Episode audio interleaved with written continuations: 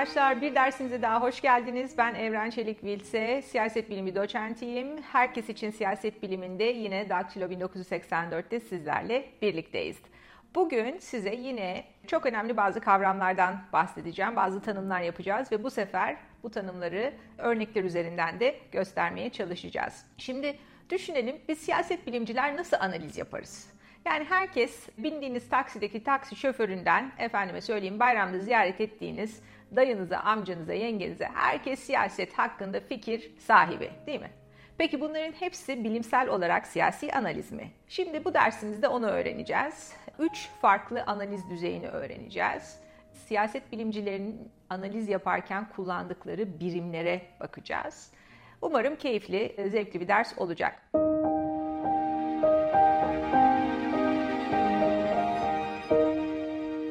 Teknik tanımları belki de en kolay örnekler üzerinden anlayabiliriz. İlk örneğimiz şu. Rusya'nın Kırım'ı işgal etmesi ve Kırım'ı kendi topraklarına katması. Yani daha önce Ukrayna'ya ait olan bir bölge Kırım Yarımadası Karadeniz'de, Kuzey Karadeniz'de artık Ukrayna'ya ait değil, Rusya'ya ait. Peki bu neden böyle oldu? Bir de siyaset biliminde bizim analizlerimizin önemli bir farkı nedensellik. Yani sadece nasıl oldu, hikaye anlatır gibi önce şu oldu, sonra şu oldu değil, bir de nedenselliği, sebep sonuç ilişkilerini ortaya çıkarmaya çalışmak. Bu örneğimizi biraz da harita yardımıyla görelim. İyice görselleştirmemiz de daha kolay olsun. Haritamıza hoş geldik. Şimdi neredeyiz? Karadeniz kıyılarına bakıyoruz. Ukrayna hemen şurada. Şurada kocaman Rusya var. İşte biz de her zamanki gibi buradayız, yerimizdeyiz. Şimdi hatırlarsak 2014'te Soçi'de bir olimpiyatlar vardı, kış olimpiyatları. Rusya çok güzel işte şovlarla vesairelerle gücünü etrafa gösterdi. Herkes valizlerini toplayıp olimpiyatlardan ayrıldıktan sonra bir baktık Rus askerleri Kırım'ı işgal etmiş. Şimdi bunu bazı analistler Putin'in kişiliğiyle, Putin'in bir lider olarak çok fazla uluslararası normlara, kurumlara saygı duymayan bir lider olduğuna vurgu yaparak açıklıyorlar. Şimdi biz Kırım'ın işgalini Putin'in şahsına, kişiliğine vurgu yaparak açıklarsak ne yapmış oluyoruz?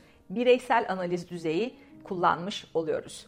Fakat şimdi Putin agresif bir lider ama gidip İran'dan bir yer koparmadı. Efendime söyleyeyim Kazakistan'dan koparmadı, Moğolistan'dan koparmadı veya Çin'den bir arazi koparmadı.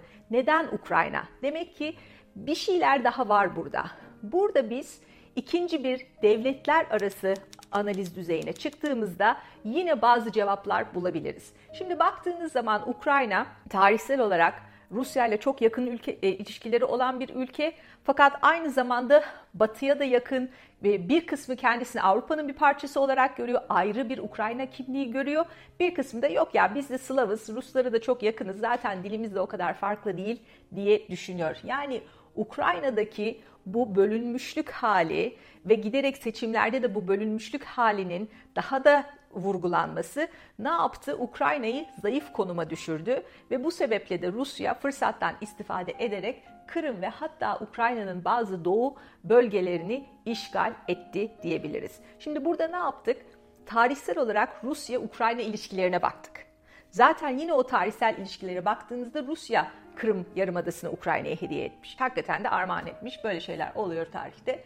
Şimdi böyle bir analiz yaptığımızda tarihsel ilişkiler, ülkenin siyasi kültürü, partiler, bölünmüşlük, seçmen tercihleri vesaire böyle bir analiz yaptığımız zaman neye bakıyoruz? Rusya'ya ve Ukrayna'ya. Devlet, devletler düzeyinde bir analiz yapıyoruz. Fakat bunlar yine bize bütün resmi tam olarak açıklamıyor. Bir en üst seviyemiz daha var. O da yine daha böyle bir küresel bir analiz düzeyi. Şimdi burada da bakıyoruz. Avrupa'da çok büyük bir organizasyon var. Avrupa Birliği değil mi? 20 küsur ülkenin bir arada olduğu. Fakat bakıyorsunuz son özellikle 2000'li e, 2010'lu yıllardan sonra Amerika'da belli bir izolasyon taraftarlığı var. Yani iki savaş hem Afganistan hem Irak bu kadar fazla askeri angajman Amerika'yı yormuş ve yıpratmış vaziyette. Biz uluslararası ilişkiler ve siyaset bilimi literatüründe bu hegemonyanın e, yavaş yavaş gerilediğinden bahsediyoruz artık. Şimdi bu Kırım olayına tekrar diyeceksin hoca uzatma Kırım'a gel. Kırım'a geliyoruz. Şöyle geliyoruz. NATO'nun ne ilgisi olabilir? Şöyle ilgisi olabilir. Gerek Almanya, gerek Amerika Birleşik Devletleri artık daha fazla askeri angajman istemiyorlar. Bunu da e, Rusya gibi güçler artık fark etmiş vaziyette. Ve diyorlar ki Ukrayna küçük balık bunlar Ukrayna için kendi askerlerini riske atmazlar.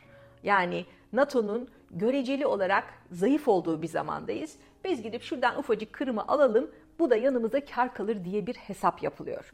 Bu şekilde bir analiz yaptığımızda yani biz tabloya Avrupa Birliği'ni ve NATO'yu eklediğimizde ne yapmış oluyoruz? Küresel ölçekte bir analiz yapmış oluyoruz. Yani tekrar özetlersek üç düzeyimizi bireysel, devlet ve küresel ölçekte burada gözlemlemiş olduk. Evet, şimdi haritamızda örneğimizi gayet güzel gördük. Ne yaptık? 3 analiz düzeyini de haritamız üzerinde inceledik. Şimdi tekrar bu düzeyleri netleştirmek için kafamızda özetlemeye çalışalım.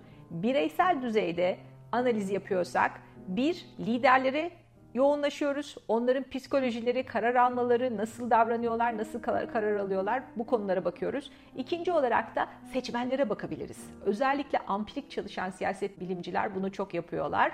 Seçmenler nasıl oy veriyorlar? Efendim, yaşça büyük seçmenler, okumuş seçmenler, daha az eğitimli seçmenler, kadınlar nasıl oy veriyorlar, gençler nasıl oy veriyorlar? Ne yapıyoruz? Yine bireysel düzeyde, birimimiz birey, bireysel düzeyde biz analiz yapabilmek için veri topluyoruz. Gelelim devlet düzeyine. Devlet düzeyinde analiz yaptığımız zaman bir kere ben mesela devletlerin hemen gelişmişlik durumuna bakarım. Yani çünkü parası olan devlet başka davranıyor arkadaşlar. Parası olmayan devletler başka davranıyor. Bakıyoruz bunun da en kestirme yolu mesela gayri safi milli hasıla kişi başına düşen. Efendime söyleyeyim kişi başına düşen gayri safi milli hasılası 60, 70, 80 bin dolar olan ülke başka davranacak. Bangladeş gibi, efendim söyleyeyim Pakistan gibi 2000 dolarlarda dolaşan ülkeler ne yapacaklar? Farklı davranacaklar. Ülkelerin, devletlerin gelişmişlik düzeyine bakabiliriz. Bunun dışında devletlerin nasıl yönetildiğine bakabiliriz. Efendim monarşiler başka bir türlü yönetiliyorlar, başka türlü davranıyorlar. Demokrasiler başka türlü davranıyorlar. Tek parti rejimleri farklı davranıyorlar. Çok partili ülkeler farklı davranıyorlar. Bu şekilde yani devletlerin karakteristiklerine bakabiliriz. Tarihsel olarak mesela kolonileşmiş Avrupalı ülkeler tarafından vakti zamanında koloni olmuş ülkeler farklı davranıyorlar. Hiç kolonileşmemiş ülkeler farklı davranıyorlar. Orta güçte ülkeler farklı davranıyorlar. Daha büyük askeri gücü olan ülkeler nükleer gücü var mı yok mu değil mi? Bunların hepsi devlet özelliği. Eğer bunlara biz bakıyorsak nükleer kapasite, askeri, efendime söyleyeyim siyasi rejimi nasıl yönetiliyor, ne kadar gelişmiş bunların hepsi bize o devlete dair çok önemli ipuçları veriyor. E biz ne yaptık? Devlet düzeyinde analiz yap. Son olarak gelelim sistem düzeyine. Sistem düzeyinde baktığımızda daha küresel ölçekte bakacağız. Efendime söyleyeyim petrol fiyatları iniyor çıkıyor ne yapıyoruz? Biz OPEC nasıl davranıyor mesela? Değil mi? 1970'lere baktığımızda OPEC diyor ki ya biz şurada kaç tane petrol üreten ülkeyiz zaten biz birleşelim bu fiyatları bir anda 3'e 4'e katlayalım. Nitekim katlıyorlar. Nitekim ne oluyor? Birinci OPEC petrol krizi, ikinci OPEC petrol krizi ne yapıyor? Dünyada çok büyük iktisadi sarsıntılara yol açıyor. Burada da tek bir ülkeye, bir Venezuela'ya, bir Suudi Arabistan'a bizim yoğunlaşmamız bize cevap vermeyecek. Bizim ne yapmamız lazım? Sistem düzeyinde uluslararası kuruluşları göz önüne alan analizler yapmamız lazım. Yani OPEC'ten, uluslararası petrol krizinden bahsettiğimizde biz ne yapmış oluyoruz? Global ölçekte bir analiz yapmış oluyoruz. Bir başka global ölçekte analiz mesela yine konuyu ben paraya getireceğim. Eğer uluslararası şirketlerin, finans kuruluşlarının mesela davranışları, yatırım davranışları bazen gidiyorlar bu yükselen piyasalar, emerging markets dediğimiz yükselen piyasalara acayip bir para yağıyor. Bazen o para çekiliyor değil mi? Bu da sermayenin uluslararası sistemde nasıl hareket ettiğiyle bağlantılı. Böyle bir analiz yaptığımızda da yine sistemsel düzeyde analiz yapmış oluyoruz. Son olarak belki biraz tatsız olacak ama uyuşturucu kartellerinden veyahut da terörist organizasyonlardan bahsedebiliriz. Şimdi eskiden bunlar da böyle oldukça yerel, lokal, efendim işte Bask, İspanya'da, işte Kuzey İrlanda'da vesaire bombalar patlar, şu olur, bu olur. Yani terörist bile lokaldi, yereldi ve devlet düzeyinde bunları inceleyip anlayabilirdik. Şimdi ama bu terörist e, networkler, terörist organizasyonlar küresel düzeyde operasyon yapıyorlar. Yani eleman aldıkları, kendilerine dahil ettikleri militanlar, yaptıkları faaliyetler vesaire bunlar artık o kadar sınır aşırı olmuş ki bunu sadece Fransa'ya bakarak veyahut da sadece Afganistan'a bakarak, sadece Libya'ya bakarak bir terör analizi yapabilmek artık maalesef mümkün değil. O yüzden bu alanlarda da yine analiz düzeyini ne yapıyoruz biz? Küresel ölçeğe, sistem düzeyine çekiyoruz.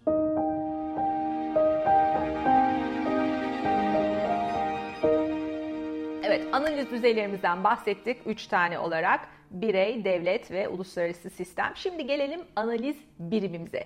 Yani neyi analiz ediyoruz? En kolayı ilk olarak bireyler.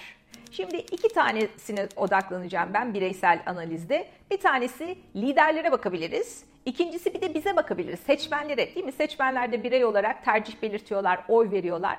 Özellikle ilk derslerde belirttiğimiz bu ampirik yani veriye dayalı çalışan siyaset bilimcileri için hakikaten çok kutsal bu. Birey, seçmen çok kutsal. Onlar o tek tek o bireylerin seçmen davranışına bakarak siyasi analizler yapıyorlar. Fakat aynı zamanda biz tabii liderlere de bakabiliriz. Karar alıcılara, bakanlara, kabineye vesaire önemli zamanlarda. Bunu mesela görürsünüz işte dış işlerinde Amerika'da Kissinger zamanında şöyleydi vesaire diye ne yapıyoruz burada? Tek tek kişilere odaklanıyoruz. Bireysel birimimiz, analiz birimimiz bireyler. Fakat kolektif aktörler de var siyasette. Yani gruplara, organizasyonlara bakabiliriz. Burada gördüğümüz organizasyonlar arasında mesela siyaset bilimciler neye bakar? Partilere bakar. işçi ve işveren örgütlerine bakabilirler. Ondan sonra sivil toplum örgütlerine bakabilirler. Yine ilk derslerimize referansa ideolojilere baktığımız zaman diyelim ki mesela daha liberal bir perspektiften bakıyorsanız şirket davranışlarına, şirketlere bakabilirsiniz. Veyahut da daha Marksist, daha sol, bir ideolojik pencereden bakıyorsanız sınıf sizin için önemli bir analiz birimidir. Bu şekilde analiz bilimleri birimleri çeşitleniyor. Devlet düzeyinde analiz yaptığımız zaman tabii devletlerin politikalarına bakıyoruz. Efendim mesela Birleşmiş Milletler'de Türkiye nasıl oy kullandı, yaptırımlara, İran'a karşı yaptırımlara karşı, efendim Brezilya nasıl oy kullandı gibi bu şekilde devletlerin davranışlarına da bakabiliyoruz. Burada yalnız dikkat etmemiz gereken bir şey devleti birey gibi görmemek. Değil mi? Bu yaptığımız en basit hatalardan bir tanesi siyasi gözlemlerde. Efendim Amerika şöyle düşünüyor. Şimdi Amerika nasıl şöyle bir şey düşünsün? 330 milyon insan var, 150 küsür milyon insan oy kullandı. Yani bu şekilde devleti birey olarak görmek ve o şekilde genelleme yapmak hakikaten çok büyük bir hata. Yani bu farklı seviyeleri, farklı birimleri birbirine indirgemek çok büyük bir hata. Veya NATO'yu Amerika'ya indirgemek veya Avrupa Birliği'ni Almanya'ya, onu da Merkel'e indirdiğinizde ne yapıyorsunuz siz? Merkel şöyle dedi, budur dediğinizde çok büyük bir indirgemecilik hatası yapmış oluyorsunuz. Son olarak analiz birimlerimize baktığımızda daha devletin de üzerinde bazı aktörler var. Mesela OPEC var değil mi? Petrol ihraç eden ülkeler. Mesela Avrupa Birliği var. Mesela Latin Amerika'da Amerikan ülkeleri topluluğu var OAS ve bunların tabii ki en büyüğü de Birleşmiş Milletler var değil mi? Güvenlik Konseyi var Birleşmiş Milletler'in.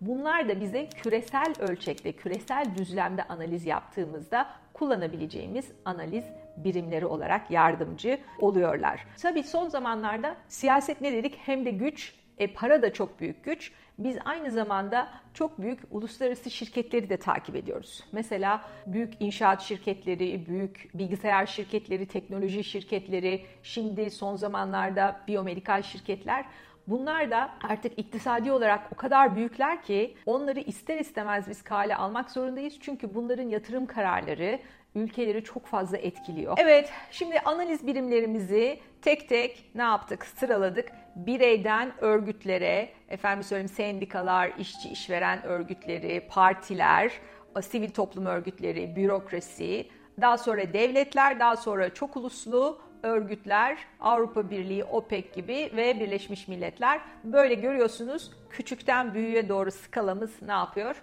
Artıyor. Ve yine aynı şekilde analiz düzeylerimizde bireyden uluslararası sisteme doğru ne yaptı? Küçükten büyüğe doğru gelişti.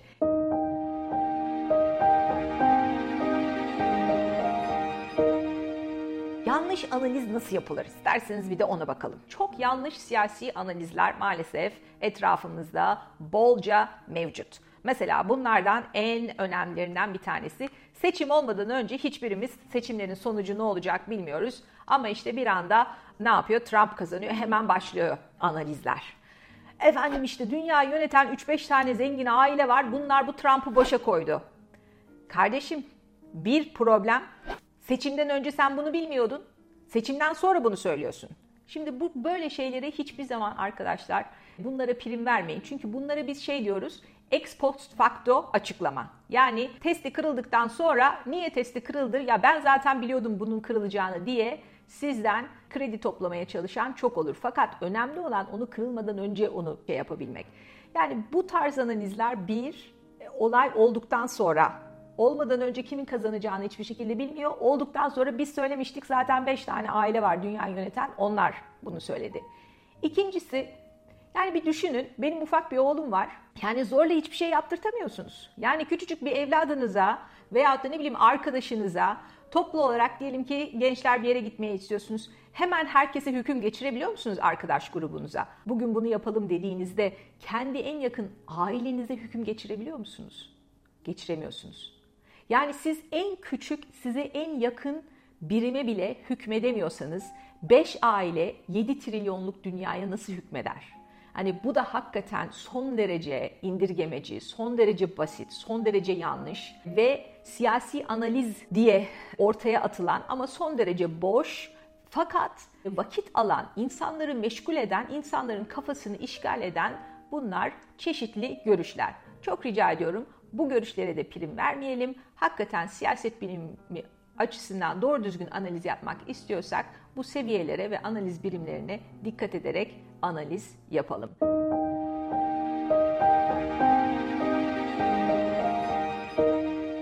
Evet arkadaşlar şimdi analiz düzeylerinden ikincisi olarak özellikle devletten bahsettik değil mi? Şimdi burada ufak bazı tanımlar yapmak istiyorum. Çünkü burada da yine bazı yanlış anlaşılmalar oluyor. Mesela diyelim ki Trump yönetimi iktidarda ve son derece göçmen karşıtı politikalar izliyor. İşte yakalanan küçük çocukları annelerinden ayırıyor, efendime söyleyeyim kafeslere koyuyor, bilmem ne yapıyor falan filan.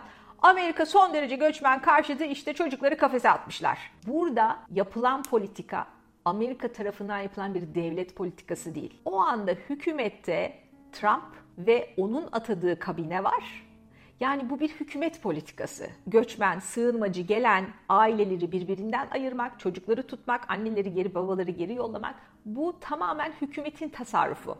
Tamam. Şimdi burada bu kısımda nelere bakalım? Üç tane temel kavram var. Bir tanesi devlet, bir tanesi millet, bir tanesi de hükümet. Şimdi biz hep bunları birbirinin yerine kullanıyoruz. Bu da son derece sakıncalı bir yaklaşım.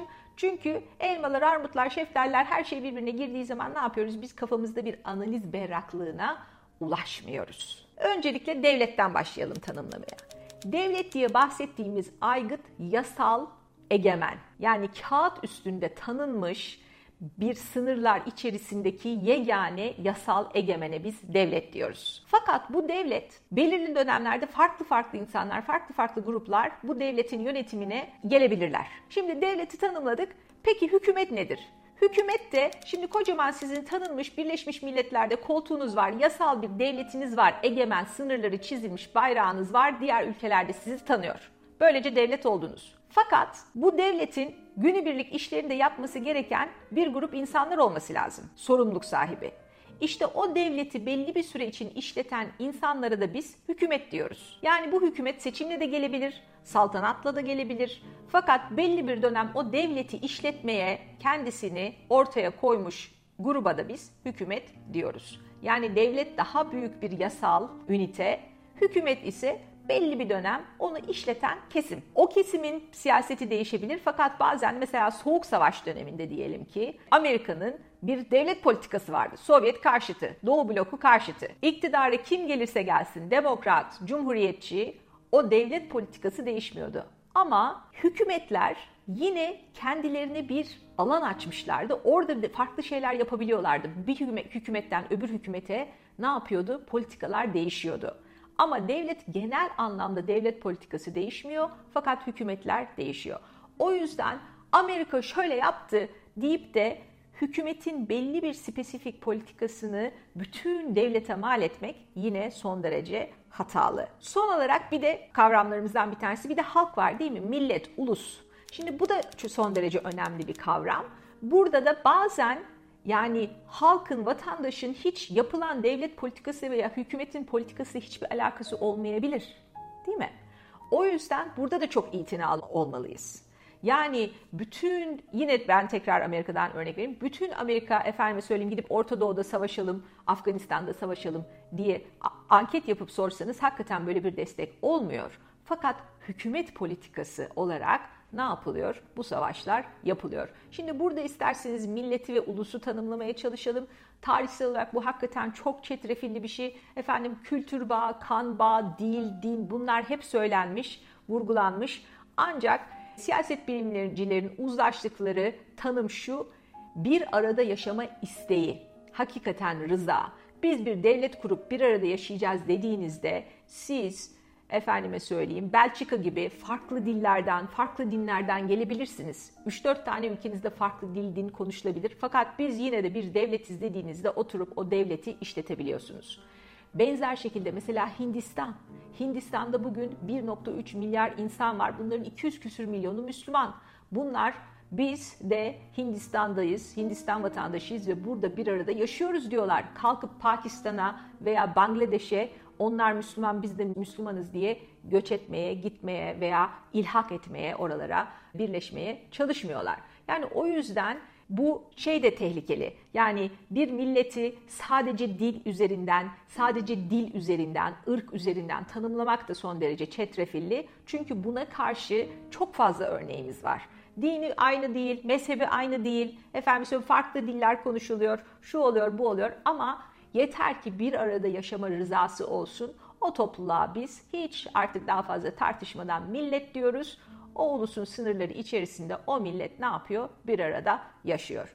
Böylece ne yapmış olduk? Bu üç tanımımızı da umarım kafamızda netleştirmiş olduk. Devlet var, o devleti belli bir süre işleten bir hükümet var. Bir de o devletin içinde ikamet eden neyimiz var? Ulusumuz var, milletimiz var. Evet arkadaşlar bugünkü dersimizi toparlarsak iki tane büyük önemli kavram gördük. Bir tanesi analiz düzeyleri, bir tanesi analiz birimleri. Her düzeyde, her bu üç düzeyde kullandığımız farklı analiz birimleri var. Mesela bireysel düzeyde analiz yaptığımız zaman liderlere veya seçmenlere bakıyoruz. Devlet düzeyinde analiz yaptığımız zaman o devletin özelliklerine bakıyoruz. Tarihine, gelişmişlik sistemlerine, efendim söyleyeyim parti sistemine, neyle yönetiliyor, saltanat mı vesaire.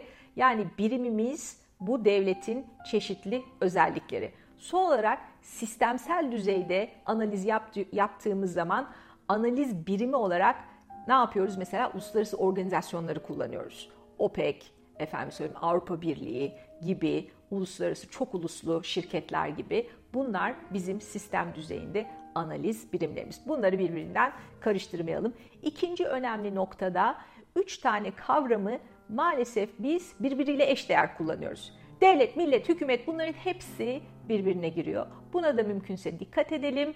Devlet farklı bir şey, egemenliği, sınırları olan uluslararası olarak tanınmış yasal örgüt. Ulus farklı bir şey, millet bir arada yaşama rızası gösteren halk. Bu e, hükümet ise devleti belli bir süre yönetmeye soyunmuş bir grup insan. Bunları o yüzden hepsini birbiriyle aynı gibi kullanma hatasına düşmeyelim. Bugünkü dersimiz burada sona eriyor. Bize katıldığınız için çok teşekkür ediyoruz. Sorularınızı, görüşlerinizi, yorumlarınızı bekliyoruz. Çok sevgiler.